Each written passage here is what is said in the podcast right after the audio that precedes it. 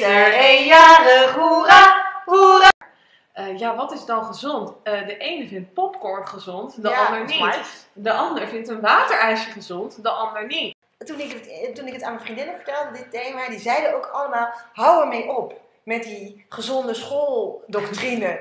Leuk aan dit boek is, is dat eh, dit lieve rupsje de hele week super gezond eet. Allemaal fruit.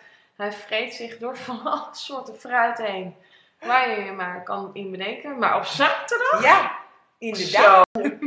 En de blik van mijn dochter naar mijn man, is echt, dat kan ik niet beschrijven. Maar je ziet het voor je natuurlijk, dat sarcastische blik van een puber.